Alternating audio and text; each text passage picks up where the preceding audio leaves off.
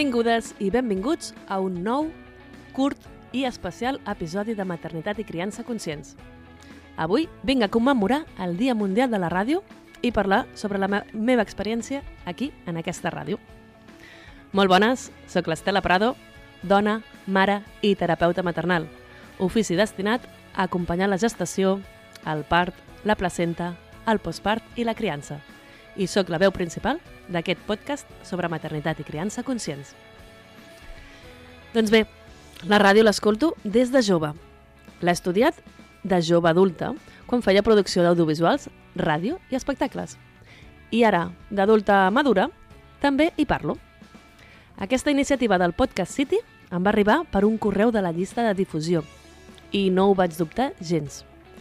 I després, al cap d'unes setmanes, quan vaig rebre la trucada per quan podia començar, em vaig posar molt contenta. Per fi puc compartir el coneixement que tinc sobre la criança i la maternitat. És a dir, jo dic el que vull, com vull, i ho deixo aquí, perquè qui vulgui ho escolti. I inclús ho comparteixi. M'encanta! Doncs bé, us vull explicar també com m'organitzo per fer el podcast i per venir a la ràdio. El podcast, quan el faig sola, l'estic llegint, com ara mateix. De fet, he intentat improvisar i no em surt. A més, així sé que dic les coses amb un ordre i en una totalitat del que vull dir. La primera gravació només podia llegir, ni fer una broma, estava nerviosa. Ara ja ho començo a tenir més per la mà i puc fer brometes i fins i tot canviar ordres de les frases. Um, també altres bromes estan escrites, eh? no, no us ho negaré. I després, quan ho fem amb l'amada, doncs tenim un guió i allà sí que puc parlar sobre la marxa.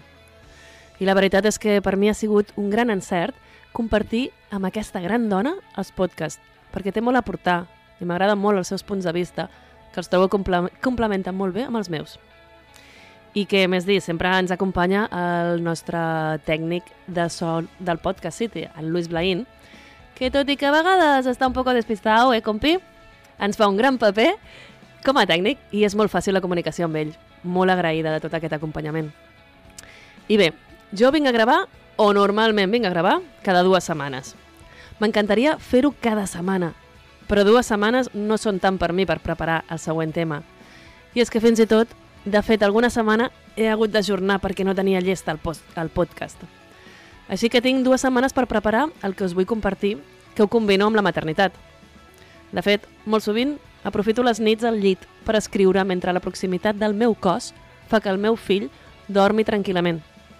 I durant el dia, l'ordinador està rondant per on jo estic amb la il·lusió de poder-lo obrir una estona per escriure, però en Bruc, normalment, no em permet aquest luxe. I quin dia vinc a gravar? Doncs dissabte al matí. Com que no puc estar molta estona lluny del meu fill, bé, millor dit, ell no pot estar gaire estona lluny de mi, el seu pare es queda amb ell mentre jo estic aquí. I això és el que ens ha obligat a que els dissabtes sigui el dia de la ràdio, perquè pel meu company és un dia que segur pot venir. I entre setmana a les tardes és massa tard pel meu fill, així que definitivament és el dissabte. I és que així és la meva vida últimament. Tot el que vull fer, o ho faig amb en Bruc, o depèn del meu company o alguna altra persona que es pugui quedar amb ell, per jo fer el que necessito o vull fer amb una estona mm, reduïda, això segur. És a dir, ara valoro molt el que faig. També poso la preferència en el que vull o necessito fer i em fa descartar allò que és realment prescindible. Aquests són alguns dels aprenentatges de la maternitat. El que encara m'estic treballant és el fet d'haver de demanar i d'haver de dependre d'alguna persona, tot i que sigui la meva parella. Ja veieu, tinc el meu esperit independent molt present, però de moment s'ha d'anar fonent amb la família. I per què el podcast en català? Doncs mira, aquí, al Podcast City, dona la llibertat d'idioma, així que vaig estar valorant molt si el feia en català, que és la llengua en què més m'agrada expressar-me, o en castellà, que arribaria més gent. I vaig reflexionar que molta gent que parla sobre la criança és catalana, però donen la informació en castellà. Així que vaig veure clar que em venia de gust aportar a la comunitat catalana sobre el tema i ser una d'aquestes persones que parlen sobre criança en català, que també n'hi ha. I això ho faig totalment per plaer i amb agraïment. Si vull algun ingrés, puc incloure publicitat. Així que si algun projecte vol aprofitar-me per fer-se publicitat, no dubteu en contactar-me a través del meu Instagram, terapeuta maternal, i en parlem.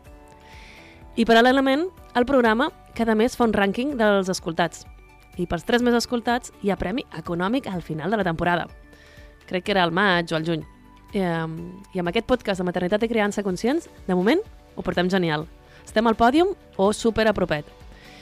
I això eh, m'aporta més alegria a tota l'experiència de la ràdio. Així que us super agraeixo les vostres escoltes. Super, super gràcies. I aprofito també per convidar-vos a escoltar-me sencera, que compta més que si ho feu 5 minuts. I també a compartir els meus podcasts per tot arreu, perquè s'escolti molt i, i jo arribi ben amunt al pòdium. jo i els meus coneixements. Doncs pues bé, ja sabeu, com sempre, qualsevol dubte o comentari el podeu fer a través del meu Instagram, terapeuta maternal. I com a cada capítol, em queda super agrair a la meva parella, que fa possible que estigui aquí mentre ell està amb en Bruc, i al Lluís Blain, tècnic de so del podcast, a la Ràdio Ciutat Tarragona, i a vosaltres, que m'escolteu. Sense més, salut, bona criança i bona ràdio.